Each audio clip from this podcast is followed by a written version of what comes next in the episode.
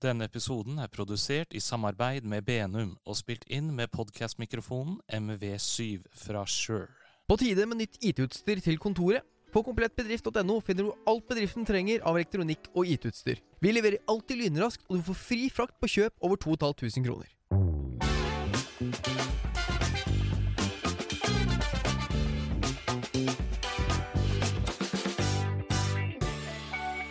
Velkommen til eh, Lyd og bildes Tekkast.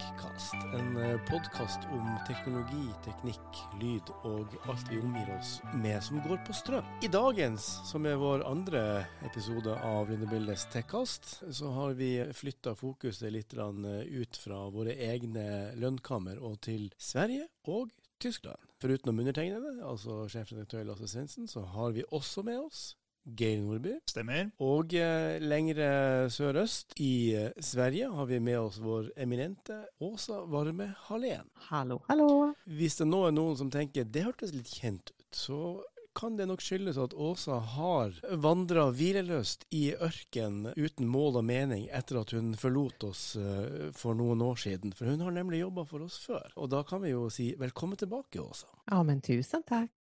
Vi skal også litt lengre sørover, nemlig til Tyskland. Og der befinner du deg, Peter Gottschalk. Doch, det er riktig.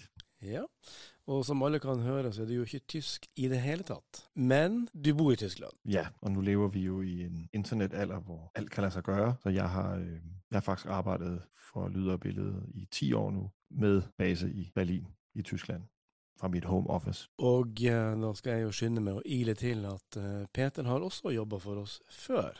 Eh, inntil han fant ut at han skulle finne på noe helt annet. Men det var absolutt ikke like morsomt. Så han er tilbake igjen i The Firm. Du eh, kan ikke forlate firmaet helt, dette. Det, det, det er helt sant. I dag skal vi eh, snakke om litt uh, forskjellige ting. Uh, vi skal helt uh, til slutt skal vi snakke litt om hodetelefoner. Det er jo et enormt stort begrep, ikke sant Geir? Ja. Som vi har uh, dekka bredt og dypt i ganske mange år. Der kan det komme en liten overraskelse for noen av dere som tror dere vet alt om hodetelefoner. Men før det så skal vi snakke litt om fitnessklokke. Fordi det er også et sånt begrep som er litt stort og bredt, ikke sant Åsa? Absolutt. Som også vet, er at fitnessklokke er jo ikke et begrep som kan defineres i én spesiell modell eller et spesielt merke. Det er utrolig vanskelig å navigere i den jungelen der. Men før vi kommer så langt, så skal vi åpne med å snakke om noe helt, helt annet. Som verken har med fitness eller noe særlig med hørlurer å gjøre. Nemlig hvorfor virker ikke ting når vi pakker dem opp? Peter Gottschalk. Ideen til det her tema det kom fra en, en e-mail, jeg fikk, der handlet om Samsungs nye Galaxy S22 Ultra smartphone, som er måske den dyreste smartphone Samsung nogensinde har sendt på markedet, og i hvert fall den, en av de dyreste Android-mobiler, man kan man kan købe lige nu. Den her nye ultramodel, den er blevet øh, promoveret hæftigt af, af Samsung med en masse nye funktioner, kamera, der kan en hel masse, og den er også øh, en slags afløser til Galaxy Note-serien. Og den kom her i, i februar måned, og så får jeg en øh, e-mail fra en læser, som siger, jeg var tidlig ude med at købe en af de helt nye Samsung-mobiler, nemlig en Samsung Galaxy S22 Ultra med 512 GB lager. Jeg valgte at købe den, selvom det var en dyr telefon, men så venter man også store ting. Desværre oplevede jeg, at telefonen mistede forbindelsen på mobilnettet, og de, der forsøgte at ringe til mig, fik at vide, at jeg ikke kunne nås, da abonnenten havde slukket telefonen eller var uden for dækning. Mobilens display viste, at jeg havde signal, og jeg kunne også ringe andre op. Men mens jeg snakkede, mistede jeg gang på gang lyden fra samtalepartneren, mens de i den anden ende hørte hvid støj som brølen fra et tv uden signal. Dette kunne vare i til 15 sekunder, før lyden kom tilbage i samtalen, og efter et stykke tid ville det ske igen og igen. Og så videre og så videre. Den mail var ret lang. Og det lavede jeg så en historie på, som dybest set handlede om, at det her problem var ikke bare noget, som den her enkelte læser havde oplevet, men øh, hvad hedder det, på Samsungs øh, eget brugerforum var der på daværende tidspunkt, altså 24. marts, øh, 310 indlæg øh, fra brugere fra hele Europa, der havde oplevet det her problem.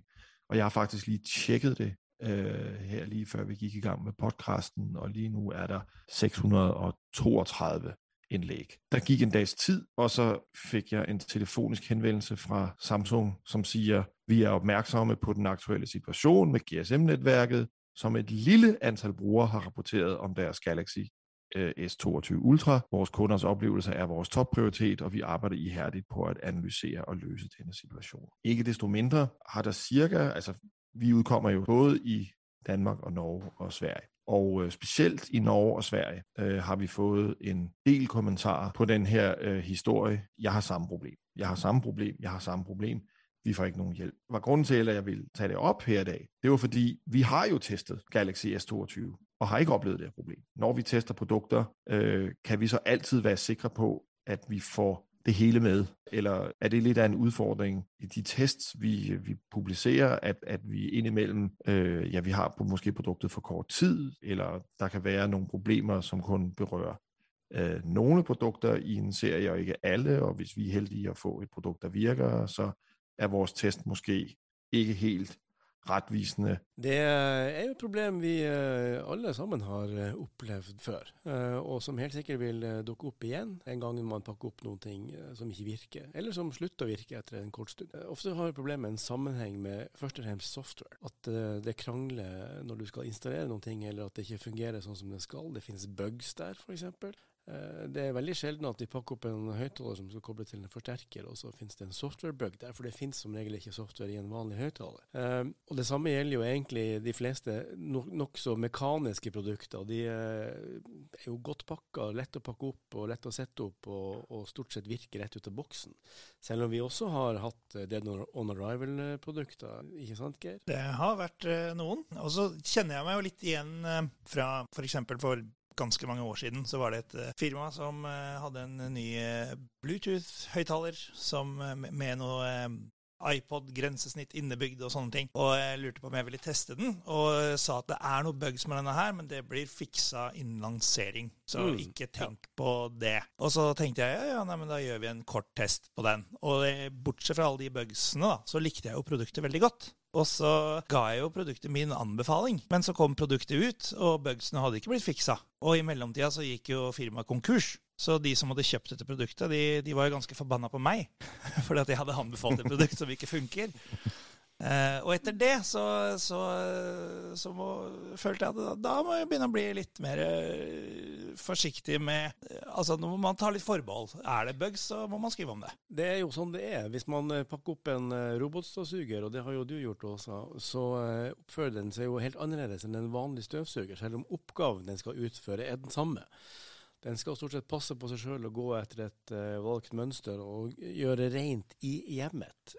Forutsatt at uh, softwaren fungerer, og at appen klarer å kommunisere skikkelig med roboten, ikke sant også? Ja, det er jo absolutt en forutsetning, eh, og det er lite derfor som man, som man väljer att lägga pengarna på en robotdammsugare til eksempel. At det skal faktisk fungere, og den skal, eh, skal helst ikke kjøre inn i möblerna, tenker jeg. Og da er det jo så at når testet kommer ut og tillverkaren sen läser testet så kan det bli sådär, oj oj oj, den senaste programuppdateringen har inte kommit. Nej, fast då kanske man inte ska se till att konsumenten kan köpa produkten heller, tänker jag, för mm. att eh, jag vill köpa en produkt som fungerer. Jeg vil jo skyte inn at eh, det har jo hänt at vi i redaktionen har blitt eh, utsett som prøvekaniner for enkelte produsenter.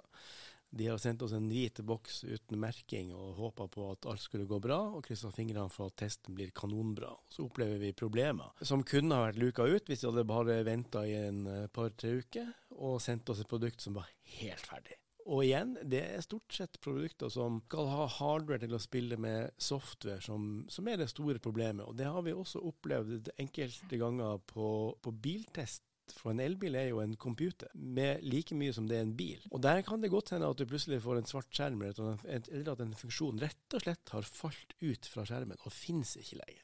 Så du må gjøre en hard restart av operativsystemet i bilen for i det hele tatt å få tilbake den funksjonen. F.eks. noe så enkelt som navigering. Mobiltelefoner er jo uh, ganske teknologisk avanserte, de også. Som en datamaskin i lomma, til sammenligning med en bil som er en datamaskin med fire hjul.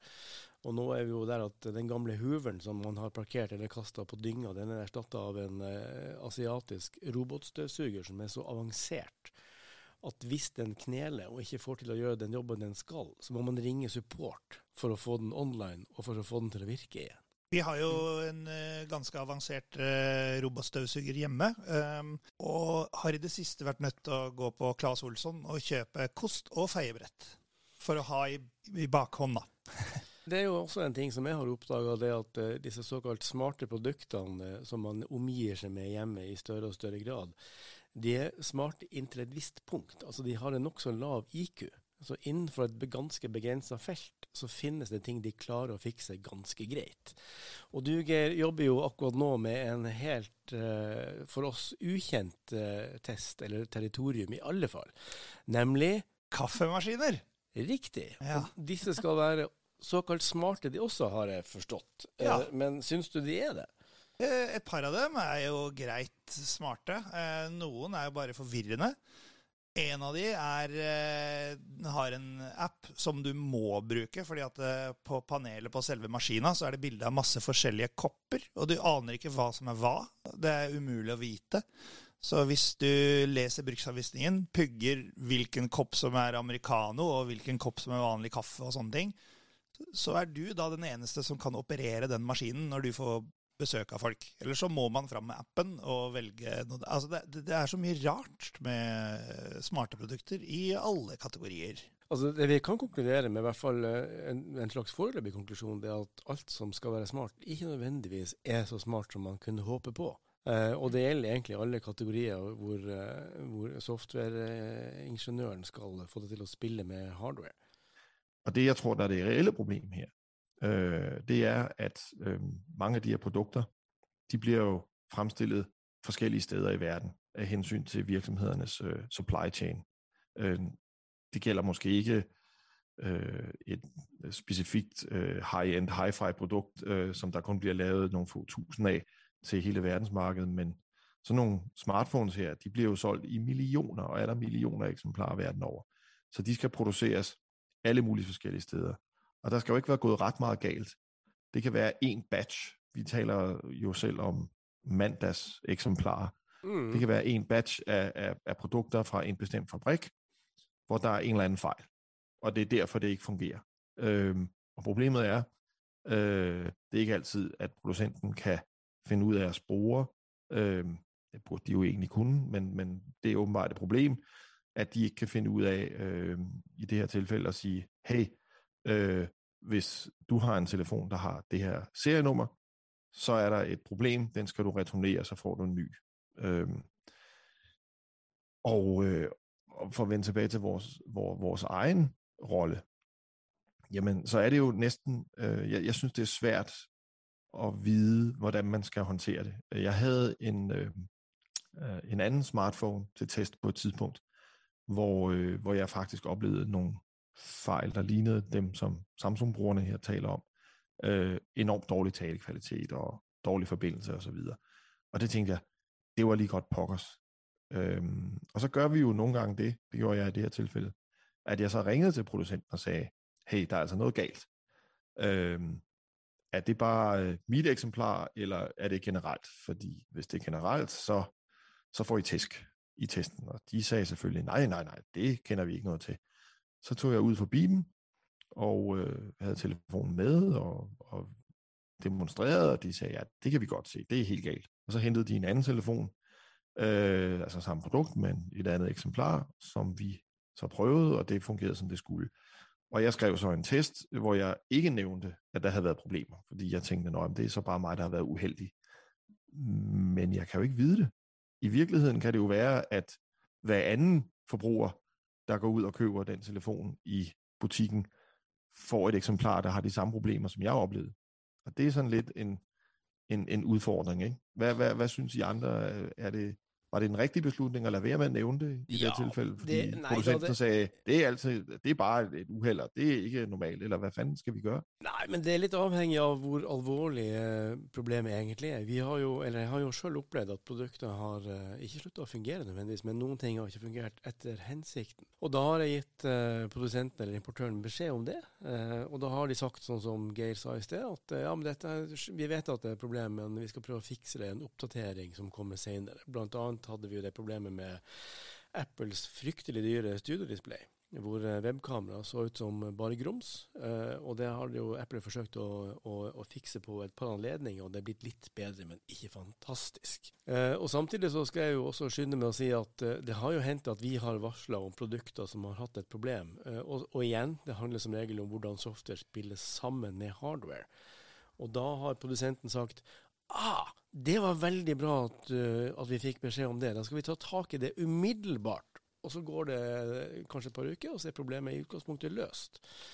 Så kan man jo si at da har vi vært betatester for den produsenten. Det er ikke sikkert det nødvendigvis er riktig i alle tilfellene, men noen ganger kan det skje. Eh, men jeg mener det at hvis vi oppdager et gjennomgående problem som gjør at produktet ikke kan brukes, så må vi stoppe testen inntil produsenten har, har fått muligheten til å rette opp problemet, enten ved å sende oss et nytt produkt, eller gi oss en softwareoppdatering som får det til å spille som det skal. Men ellers så syns jeg at Geir f.eks. har jo alltid, eller ofte skrevet i sine tester at uh, så gjorde vi sånn og slik, uh, og så fikk vi ikke det til å fungere. Mm. Og da er det en meget fornuftig og bra forbrukeropplysning som jeg syns vi ikke skal, uh, skal stikke under en stol, holdt jeg på å si. Det skal vi skrive. Ja. Ikke sant, Geir? Ja, det syns jeg. Ja, fordi at uh, Det er jo det vi i utgangspunktet driver med. Vi pakker jo opp produkter i alle kategorier og størrelser, og har jo et inntrykk og en opplevelse i de ukene vi jobber med det, og før vi skriver en test. Uh, og opplever vi problemer, så må vi jo fortelle leserne våre om det. Men før det yes. så syns jeg at vi skal gi produsenten sjansen til å komme med et svar, som vi enten kan bruke til å fikse problemet, eller som vi kan bruke til å forklare leseren at uh, produsent sånn og slik har sagt det og det om det problemet vi opplevde, og det vil være i orden når produktet kommer i handelen i løpet av fire uker, f.eks. Ja, jeg, jeg syns også at øh, jeg synes det er rett vesentlig om produktet allerede er på markedet med det problem, som, som vi oplever. Jeg har, jeg har en, en smartphone til test her øh, de seneste dage, og testen skulle være udkommet i går og så får jeg en, øh, en e-mail fra producenten, vi skal ikke nævne nogen navn her, øh, som siger, stop pressen, vi erkender, at øh, vi ikke er klar. Men produktet var så heller ikke lanceret på det pågældende tidspunkt, og kommer ikke ud i butikkerne før til juni, så de siger, øh, I har jo fået en golden sample, I får et nyt eksemplar. Øh, og det synes jeg er fair nok, øh, fordi det handler jo om at sige til forbrugeren, hvis du går ud i butikken og køber det her, så vil du få den her oplevelse. Der sagde du noget, øh, Åsa, da vi talte sammen før podcasten. Du havde et, et, et problem med en dammsykdom, en støvsuger. ja, ja, øh, men den, den var jo ude i butikken, ikke? Ja, alltså jag uppfattade det så, att den var det. Og da er de dypt bekymret, så klart. Det er jo som vi innleda med å si, at uh, flere og flere produkter blir jo mer og mer software-styrt. Enten man har en app eller ikke, så er det som regel software som skal gjøre at produktet fungerer etter hensikten. Og uh, i større og større grad, eller i økende grad, opplever jo også vi at uh, det ikke alltid går som produsenten hadde tenkt. Og så skal jeg bare skyte inn, sånn at lytterne forstår hva vi snakker om. En golden sample er altså et produkt som i utgangspunktet skal være ferdig men ikke nødvendigvis levert med den aller siste programvaren som vil befinne seg i produktet når kunden kjøper i butikk, eller at den kommer i en eske hvor ikke alt tilbehør, f.eks. bruksanvisning og garantipapirer og sånt noe, nødvendigvis følger med. Men ellers et produkt som er godt nok til test. Og Golden Samples er produkter som vi får fra eh, Kan være produkter i alle kategorier, egentlig. Ikke nødvendigvis bare en mobiltelefon, sånn som i tilfellet med den Samsungen her. Eller den uh, mobiltelefonen whose name shall not be named. Uh, I hvert fall ikke ennå. Uh, og da tenker jeg at det er bra om produsenten taler om det. For det er ikke alltid de gjør det.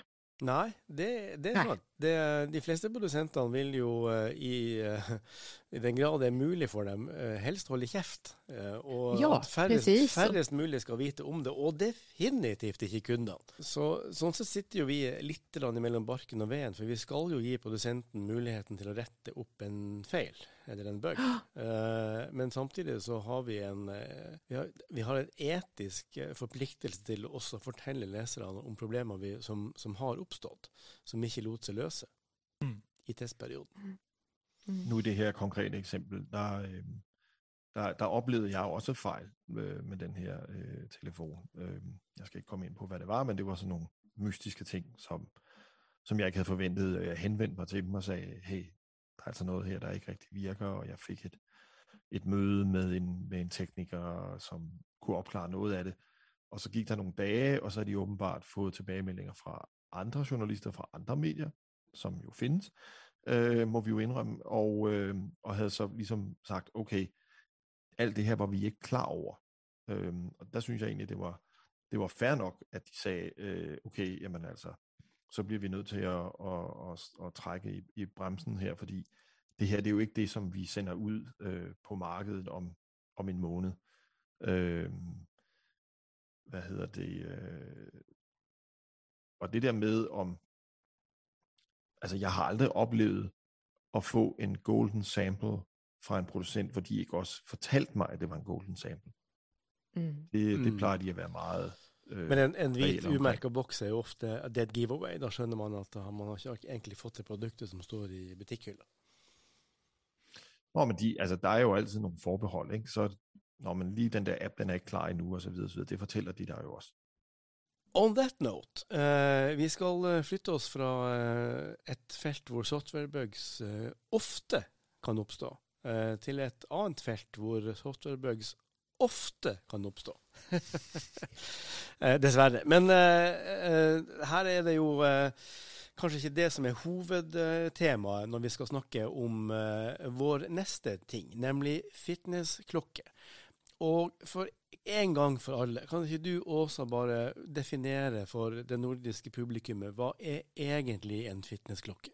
Precis som du sa innan Lasse, det är ju ett otroligt brett begrepp och det betyder ju, beroende på vem du frågar, så betyder det olika saker.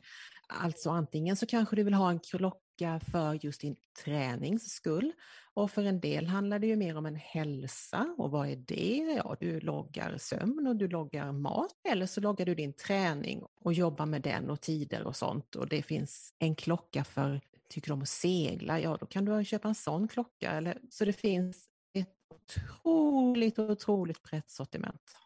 Men eh, jeg har et inntrykk av, eh, basert på de testene vi har gjort tidligere av fitnessklokke eller fitnessprodukter i eh, generelle termer, at som du sier, det finnes en fitnessklokke for golf og en for seiling og for mange andre spesifikke ting man driver med. Og så finnes det de fitnessklokkene som skal prøve å favne over det aller, aller, aller meste, som f.eks. For den forrige Huawei fitnessklokken som jeg testa. Den hadde over 100 forskjellige treningsprogrammer. Fra yoga og tai chi på den ene sida til selvfølgelig golf med muligheten for for å laste inn bilder av baner og det hele. Jeg tror, basert på min erfaring, at uh, de fitnessklokkene som skal prøve å gjøre alt, eller alle til laks, egentlig ikke klarer å tilfredsstille noen. Er det riktig?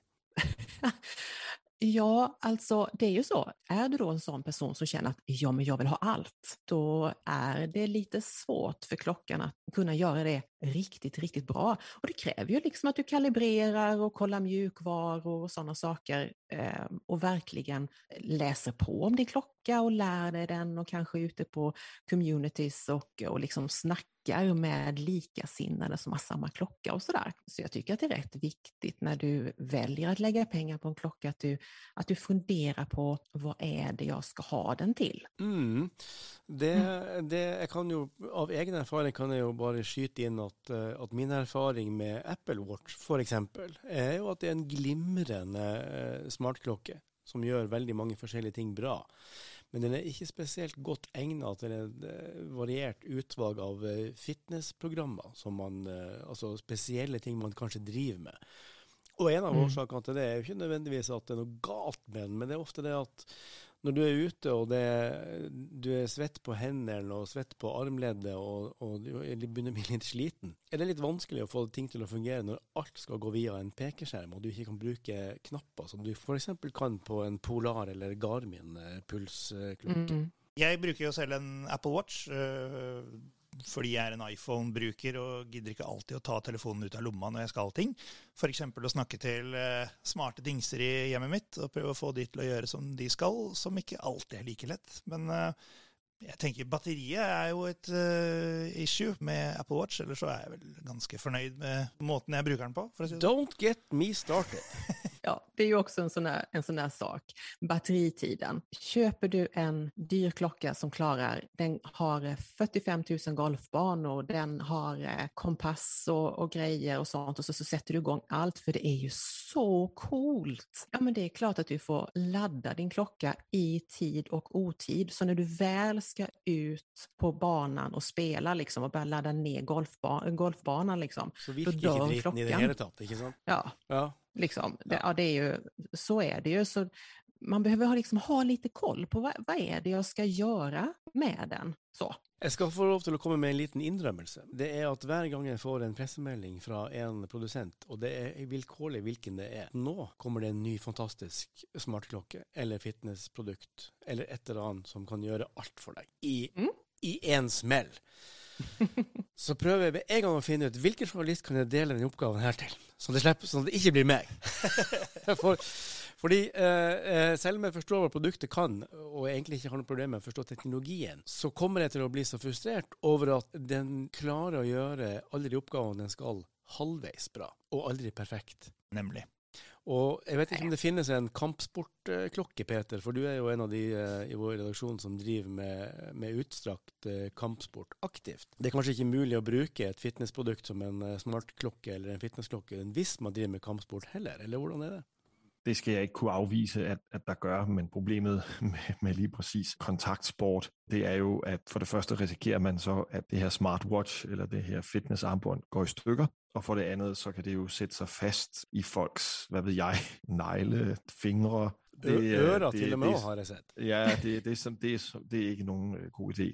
Jeg, vil, øh, jeg var lige ved at bryde ind før, fordi vi taler om det her med, med smarte produkter, der kan alt. Ikke? Og så snakker vi om, om Apple Watch. Jeg har selvfølgelig også et Apple Watch. Og en af de ting, som irriterer mig grænseløst ved det her Apple Watch, det er i virkeligheden, at det er for smart. Eller det spiller smart, om jeg så må sige. Jeg ved ikke, om man siger det på norsk eller svensk, men i, dansk den så siger man, at, den øh, smart. du skal ikke spille smart, ikke? Og det er det her med, at uret forsøger at gætte sig til, hvad man laver. Du løber ned ad nogle trapper, og så kommer uret og siger, hey, er du ved at dyrke sport lige nu? Skal jeg registrere din aktivitet? Og ja, der har det bare sådan, hold din kæft, og lad mig være i fred. Jeg skal nok selv fortælle dig, hvis jeg træner, og jeg ønsker, at du skal, at du skal registrere det. Det her med, at, at produkter bliver mere og mere smarte, det har jo også noget at gøre med kunstig intelligens, og rigtig mange producenter vil gerne fortælle os, at det her produkt er i stand til at forudse din aktivitet eller dine handlinger, og du skal nærmest ikke tænke selv. Og jeg ved ikke, om det er bare mig, der er blevet gammel, at der, om der er masser af forbrugere derude, der synes, det er fantastisk. Men jeg synes, det er irriterende. Det blir som å løpe etter bussen, og så eh, slenger du deg ned i et sete, halsblæsende og andpusten, og så kikker du ned på smartklokka, og så spør den å ja, er du ferdig med treningsrunden din? Eh, og det er, jo, eh, det er jo typisk for såkalt smarte produkter at de er i utgangspunktet ikke noe særlig smartere enn den produsenten som har lagd det, eller softwareingeniøren eh, som har forsøkt å få det her til å, å sy i hop med, med hardware. Jag hade ett, också ett sån, en sån grej eh, när jag satt på, på flyget Ja. och min klocka tyckte liksom att nej men nu, eh, nu har du suttit still for lenge, nå er det dags opp og hoppa. Ja, Og og det er jo ikke så lett å, eh, å rive seg løs ifra uh, 9C når det er litt turbulens og kapteinen har beordra alle sammen tilbake i setet, og du sitter der godt fastspent, litt nervøs med klamme hender, og skulle ønske at du var et Mm. helt annet sted. Som sagt, de er ikke fullt så smarte som tilverkerne tykker at de er. Men kan vi konkludere om, eh, om fitnessklokke at hvis man skal ha en fitnessklokke, så vil mange kanskje komme langt med en Samsung Galaxy eller en Apple Watch. Men for de som skal drive med en spesifikk idrett eh, som de gjerne vil logge og ha et bra programvare tilhørende, så bør de kanskje heller gå for en mer spesialisert variant av eh, fitnessklokken. Eller hva tenker du også? Ja, absolutt, visst tycker jag det. Och sen så är det ju så att om du sysslar med en sport där du faktiskt blir antingen om du någon form av vattensport, den behöver vattentät, stengt stängt tät, du behöver kunna skölja av den riktigt och en specifik klocka för en specifik uppgift såsom dykning, segling, golf, om du behöver.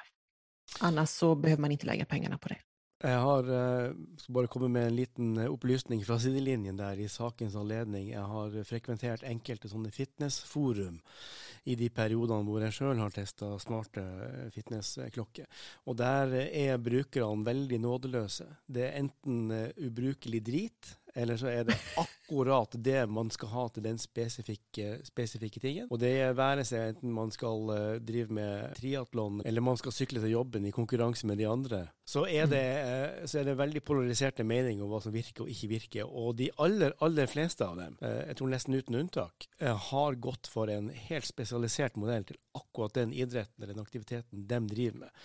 Der er det helt mm. utelukka å bruke en Apple Watch til noe annet enn å holde tida og kanskje kontroll på avtaler med. Det er det eneste de kan bruke den til. Men innafor det forspissa segmentet, eh, fins det liksom Garmin haters og TomTom lovers og, og sånn?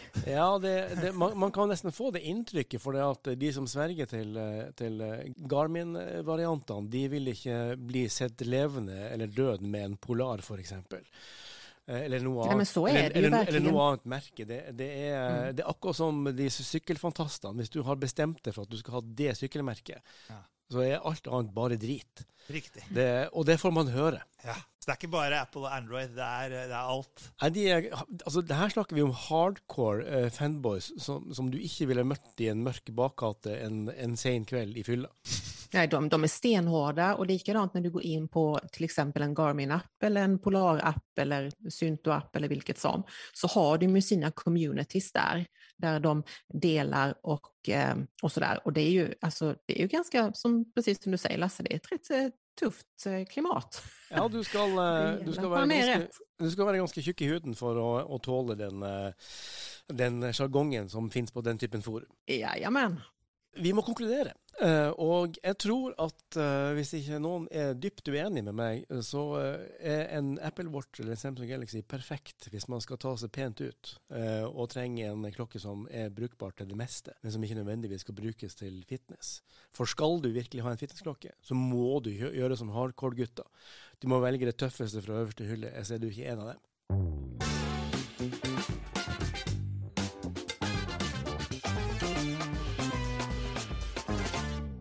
Vi, uh, har, uh, vi har, et uh, ganske omfattende tema igjen, Geir. og det her angår jo egentlig alle. For man skal ikke bevege seg så langt utenfor husets fire vegger før man ser at de fleste som beveger seg rundt i terrenget eller i byen eller hvor man måtte være, har en eller annen form for ørepropp eller hodetelefoner på seg. Nemlig. Og det kan jo være forskjellige grunner til. Noen vil sikkert bare slippe å høre all noisen utenifra. Uh, og andre er jo selvfølgelig opptatt med å høre på Lyd og Bildes uh, tekkast. For ikke å snakke om de som uh, bare må ha den der meditative musikken som de trenger for å kunne overleve den jævla bussturen eller T-baneturen til, til, jobben om morgenen og tilbake igjen om kvelden. Men Geir, du som har lengst erfaring av noen her i Norden med å teste hørelurer eller hodetelefoner, som vi sier i Norge. Det er jo etter hvert blitt ganske mye verre eller vanskeligere å finne ut hva man skal ha. Hvorfor det? Det er jo altså, det er ikke én jungel med hodetelefoner, det er mange jungler med hodetelefoner. Det er savanner, det er synkehull, det er uh, i det hele tatt. Det er jo slik at uh, hvis du ikke har noen hodetelefoner, så begynner man å tenke OK, hva skal jeg ha? Men etter hvert så blir det klart at det, det holder jo ikke med ett par hodetelefoner. Nei, det gjør ikke det, nei. nei. Hvor mange må man ha, da? Altså, Du må jo ha et par ørepropper som ikke ødelegger snittet i dressen. så kan liksom gå, Hvis du skal på byen, da, sant, så må du ha noe du kan legge i lomma. Du kan ikke gå rundt med dress og hodetelefoner rundt halsen. Da er du Du må ha sånn type de hvite airpodsene som 90 eh, av befolkningen ser ut til å gå rundt med eksempel. Mm. Så de må jo være true wireless, sånn at du, ikke, at du ikke tar de ut av lomma, og så er det en uh, ledningklump du må prøve å løse før du Men, men det, var artig, det, at, det, var artig, at, du sa det, fordi at eh, en del av disse såkalte it-folka på eh, sosiale medier har jo etter hvert begynt å gå rundt med hvite ørepropper med ledning. Altså de samme type som ble levert med iPhone i gamle dager. Ja, jeg har jo sett det, men jeg tror jeg kanskje vet hvorfor. Og du og du. Fortell Fortell, fortell. Jeg, jeg, tror de er tiktokere. Fordi eh, på TikTok så kan du gjøre duett med folk, og da trenger du den mikrofonen som henger på kabelen, som kan holde den opp etter eh, leppene, sånn at du får liksom close talking gjen- OK. gjennom mikrofonen. Da kan man gjøre sånn her. Ja, Det er ikke mulig med true wireless, fordi da kommer mikrofonen for langt ifra munnen. Så du kan ikke liksom bruke den til å synge inn noen ting med. Jeg tror det er derfor. Og der, folkens, fikk vi oppklart det mysteriet. Ja, Eh, Takk, Geir, Vær så god. eh, for den opplysningen som eh, alle har gått rundt og lurt på. Og så hvis du skal ha øreklokker, så Nå er vi på den kategorien som ikke går i lomma. Som ikke går i lomma, ja. De Ja. legger seg rundt ørene. Og i gamle dager så var det jo relativt enkelt, fordi alle hadde kabel. Noen var lukka, noen var åpne. Du måtte ta Der, til det. der må jeg nesten det. bare arrestere det litt. Eh, for at I gamle dager var det enklere, men det var jævlig få som hadde kabel. For det var nesten ingen som hadde hodetelefon. Nei, men, ok, men alle hodetelefoner mente jeg hadde kabel. Ja, ikke, det er riktig. Ikke alle brukere hadde hodetelefoner. Ja, altså det, vi må huske på at den, den trådløse eh, overføringen, og her er vi- tilbake til Marconi og den Mm. gjengen der, eh, den er jo ikke beregna nødvendigvis for å sende radiobølger fra hodetelefoner til en forsterker, eller omvendt. Nei. Nei. Men når da Bose plutselig kom med noise cancelling, hodetelefoner, så gikk det opp et lys for ganske mange. At uh, wow, vi trenger ikke å spille høyt lenger. Plutselig fikk du fyldig bass og, uten å spille høyt. Det er riktig, men her må vi også legge til grunnen til at Bose lanserte eh, altså ikke trådløse, men hodetelefoner med noise cancelling.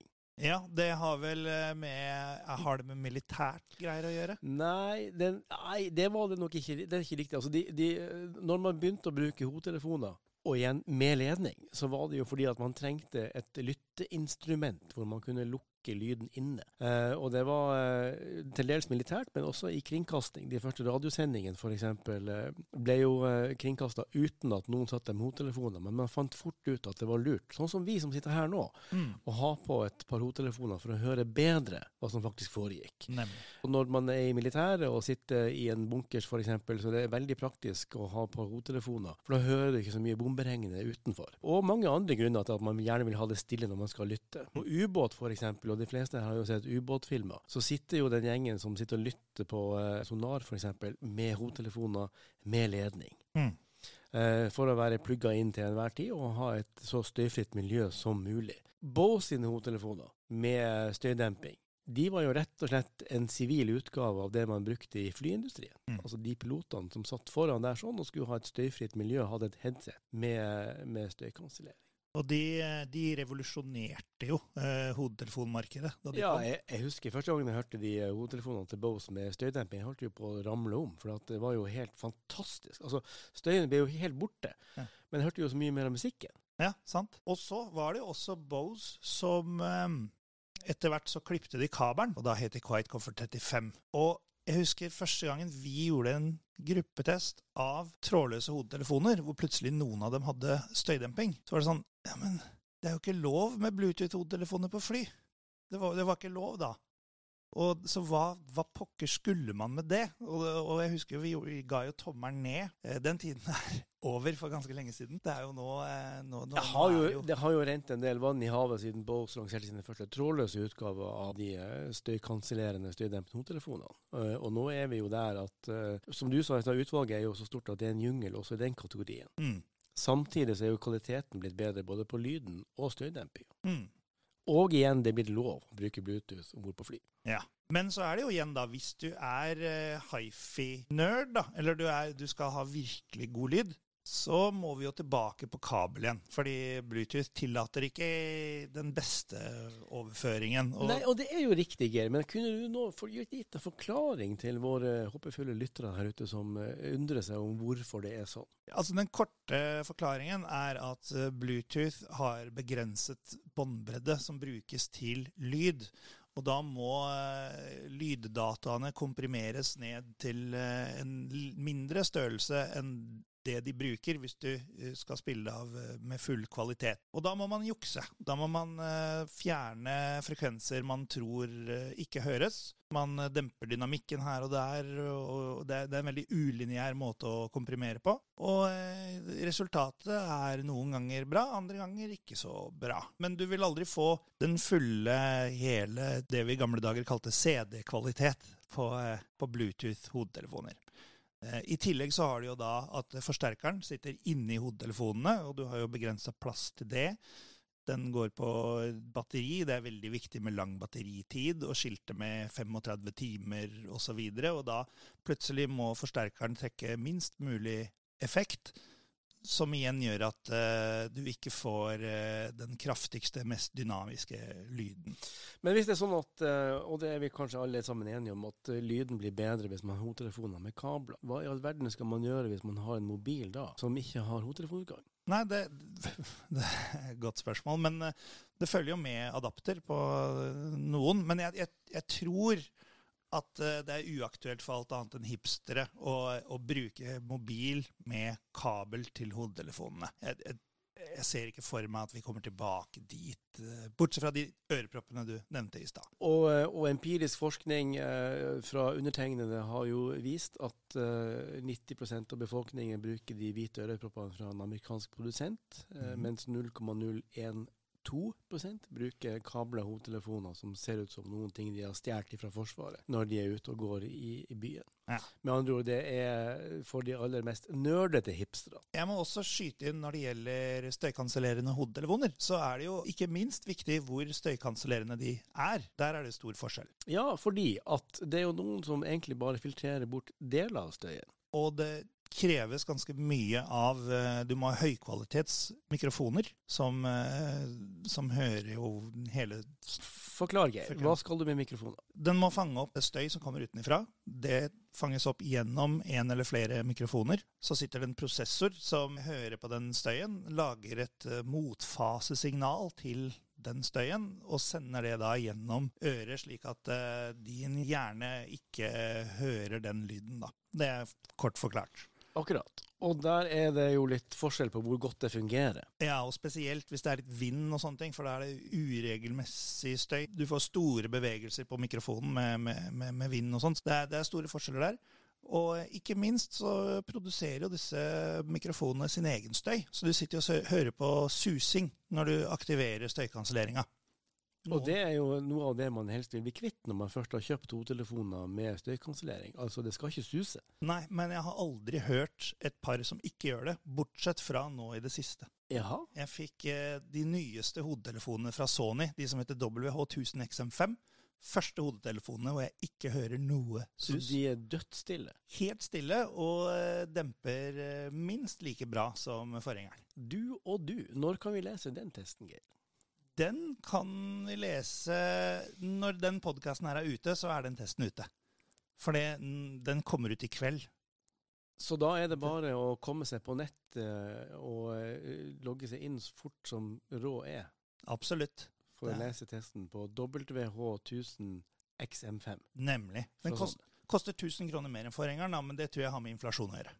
Ja, for alt har jo blitt dyrere. ja. ja. En god del faktisk også. Eh, og det gjelder jo i særdeleshet eh, hjemmeelektronikk. Eh, det har vi jo sett på det siste året, at når det kommer en ny modell, eh, eller en Mark 2 eller hva det måtte være, så eh, har jo prisen en tendens til å gjøre et lite hopp. Altså Det er alltid en prisjustering mm. fra generasjon til generasjon. Særlig hvis det har gått lang tid mellom, eh, mellom den nye modellen og den forrige utgaven. Men nå begynner det å nærme seg nesten det absurde. Og det gjelder jo kanskje altså TV er jo et ganske følsomt uh, segment, og der har prisene ikke gått så mye opp foreløpig. Men vi ser jo at det er i ferd med å bli en prisøkning der også. Altså Moralen eller rådet vårt er vel kanskje at skal man handle, så bør man gjøre det nå. Ja, jeg tror, eh, jeg tror ikke jeg ville venta på Black Friday denne gangen. For da tror jeg det bare dumpes ned til det nivået det ligger på nå. Ja, Kanskje, men det er vanskelig å spå. Forvente at prisene fortsetter å stige på elektronikk. Ja, eller, eller at du ikke får tak i det. Det kan jo også risikere. Og Det er jo også et problem etter hvert at uh, ting lanseres, men, uh, men, det kommer så få produkter at det nesten ikke er mulig å få tak i det. Mm. Fordi at uh, produsenten klarer ikke å lage nok, for det finnes ikke komponenter nok. Og Et ferskt eksempel jeg var på en pressekonferanse i går, og nå er vi i kamerabransjen bare. Der fortalte en ledende aktør at problemet er jo ikke at vi ikke har kunder. Vi har Problemet er at vi har mange flere kunder enn vi har kamera. Vi klarer rett og slett ikke å dekke etterspørselen. Og en leverandør fortalte at vi har solgt en håndfull kamera og har over 1000 i restordre, bare på en én modell. Og vi aner ikke Altså Vi vet ingenting om når disse kundene, som har betalt et lite depositum også, kan få sitt uh, kamera. Og Vi er jo ikke helt der på hodetelefoner ennå, men det kan faktisk bli så stor mangel på komponenter til hjemmeelektronikk at, uh, at man må sette seg på venteliste. Ja. Eh, bare for å til slutt ta et siste segment da, innafor uh, hodetelefoner, så snakker vi det vi kaller headfi, altså high-end hodetelefoner med kabel. Eh, og da trenger du en forsterker, kanskje en DAC. Du, du, er ikke ferdig handlet når du kjøper hodetelefonene, og de Nei. kan koste 10 000. Så nå, nå fikk jeg jo tilsendt uh, noen hodetelefoner som koster 50 000 kroner. Og uh, vedkommende hadde sendt med meg da en musikkspiller, en, altså en DAP, eller en sånn uh, digital audio player, i lommeformat. da. Og den koster vel 30 000. Så det er liksom sånn og, det, og, taket er ikke der engang, altså. Så det, det, er, det er, noe for enhver smak og lommebok men, der ute. Men det, jo, det, har jo vært en tese i bransjen i ganske mange år om at, at, du kan godt bruke veldig mye penger på et dyrt stereoanlegg og få veldig god lyd. Men hvis du bruker den samme summen på et par hodetelefoner, en god hodetelefonforsterker, så kan du få enda bedre lyd. Ja, og, og jeg har blitt uh, mer eh, hodetelefoninteressert i det siste, når jeg har begynt å høre hva som befinner seg der ute. Nå syns jeg ikke lenger det er idiotisk å bruke 10 000 kroner på et par hodetelefoner, fordi det blir så sykt bra lyd av det. Peter, kunne du tenke deg å bruke 10 000 kroner på et par hodetelefoner? Nei. det, det, det, det, var et uh, meget nemt spørsmål at svare Synes du det er for lite uh, penger? Uh, jeg, jeg, tror, nej, men jeg tror, at altså, selvom øh, Lyd Billedet jo øh, i høj grad er et øh, medie til øh, hi-fi-entusiaster, så er det jo ikke alle journalisterne, der faktisk er hi-fi-entusiaster. Det, det kan også være noget med den genre musik, jeg, jeg lytter til, at jeg synes, altså jeg, jeg vil godt bruge penge på god lyd. Nu nævnte Geir de her XM5 uh, hovedtelefoner, som øh, Sony er på vej med Øh, dem har jeg ikke prøvet, men øh, I talte jo også om ørepropper. Jeg bruger til daglig uh, Sony's øh, VF XM4, tror de hedder. Ja, det VF 1000 XM4. VF 1000 XM4, ja, ja. som jo koster, hvad koster de i Danmark? De koster et par tusind kroner. Øh, og de har jo fantastisk god lyd. Og det har jo også noget at gøre med... Bekvemmelighed. Vi, altså, ja, præcis. Ikke? Altså, øh, nu talte du om en pressekonference omkring kameraer, ikke? Og, og vi ved jo, at det er ligesom om, at markedet deler sig op. Ikke? Der er jo stadigvæk de semiprofessionelle og professionelle fotografer, som bruger dyre spejlreflekskameraer, og som køber de her øh, dyre produkter i sådan en grad, at, at de er i restråder. Men alle os andre, vi tager jo bare billedet med vores mobiltelefon, fordi det er det kamera, vi har i lommen. Og det er lidt det samme med lyd, ikke? At, mm. at, at i virkeligheden så vil jeg sige, der hvor jeg hører mest musik, det er nok min bil. Det er også derfor, vi bruger så meget tid og, og plads på at tale om lydoplevelsen i de øh, elbiler, vi tester. Og hvis jeg så er i offentlig transport, øh, tog og bus eller fly for den sags skyld, så er det jo et spørgsmål om, at det skal være praktisk. Man vil gerne øh, høre noget musik, eller man vil måske gerne se en film på flyveturen, plus at den støjdæmpende teknologis evne til at bortfiltrere babygråd er, er ret vigtig. Ja, altså, uh, det har høj prioritet. Det har vi, alle vi som har reist med morgenflyet fra eh, flyplassen til en eh, destinasjon, har jo opplevd det, spesielt om uh, i ferieperioden, når småbarnsfamiliene også skal ut og reise med morgenflyet, for det er ofte den billigste flighten. Da er et par noise cancelling eller støydempende hodetelefoner proppa gull verdt. Men Peter, kom, bare skyte et spørsmål til deg.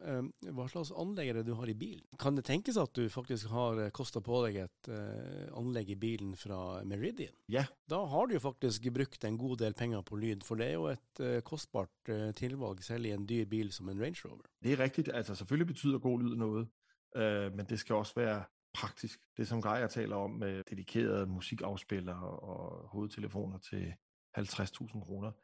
Jeg forestiller mig, at det er noget, man bruger øh, nede i sin øh, man cave i øh, et lydisoleret lytterum, øh, hvor man sidder alene i en stol. Eller på eh, kontoret når du sitter og skriver artikler, så er det digg å ha eh, gode hodetelefoner på øret. Og da skal det ikke far forstyrres. Ja. Eh, kan du konsentrere deg om lytteopplevelsen hvis du sitter og skriver? Nei, nå snakker jeg om ja, altså, Da har jeg jo gjort notater av lytteopplevelsen, og så, og så skriver jeg mens jeg har noe ikke veldig Rammstein-aktig musikk på øret, men heller, heller litt eh, Svanesjøen eller, eller, noe greier. Du skriver testen mens du faktisk utfører det, ja. rett og slett. Og så til, eh, til, deg der nede. Du, du uh, hører jo selvfølgelig på musikk og har jo et fryktelig dyrt stereoanlegg. har vi hørt. Hva slags form for hodetelefoner foretrekker du? Altså, jeg, mine öron tykker om sånne over-ear. Så. Mm, det er for det mest behagelige. Ja, altså då, det är så gött. Och så kan man bara ta på sig dem, bra musik och sen så de är ju lite, även om man inte sätter igång noise cancellingen så är de lite sådär ändå, lite mjuka och goa runt öronen och sen kan jag bara gå in i min, i min lilla värld. Det tycker jag om. Du er et eh, komfortdyr som eh, foretrekker å bli omslutta av musikken istedenfor å Ja. dyt- dytte den inn i øret. Mm. Eh, og eh, vi eh, nærmer oss slutten i den andre podkasten fra Lyd og bilde. Eh, avslutningsvis så vil vi veldig gjerne ha inn tips og tilbakemeldinger fra lytterne til uh, sosiale medier. Og der må man gjerne like det man hører. Eller til vår uh, redaksjon et uh. Eh, send oss gjerne meldinger. Har dere noen råd og tips eller temaer tema vi gjerne skulle tatt opp, eller et spørsmål dere gjerne vil ha svar på, så skal vi lytte og svare.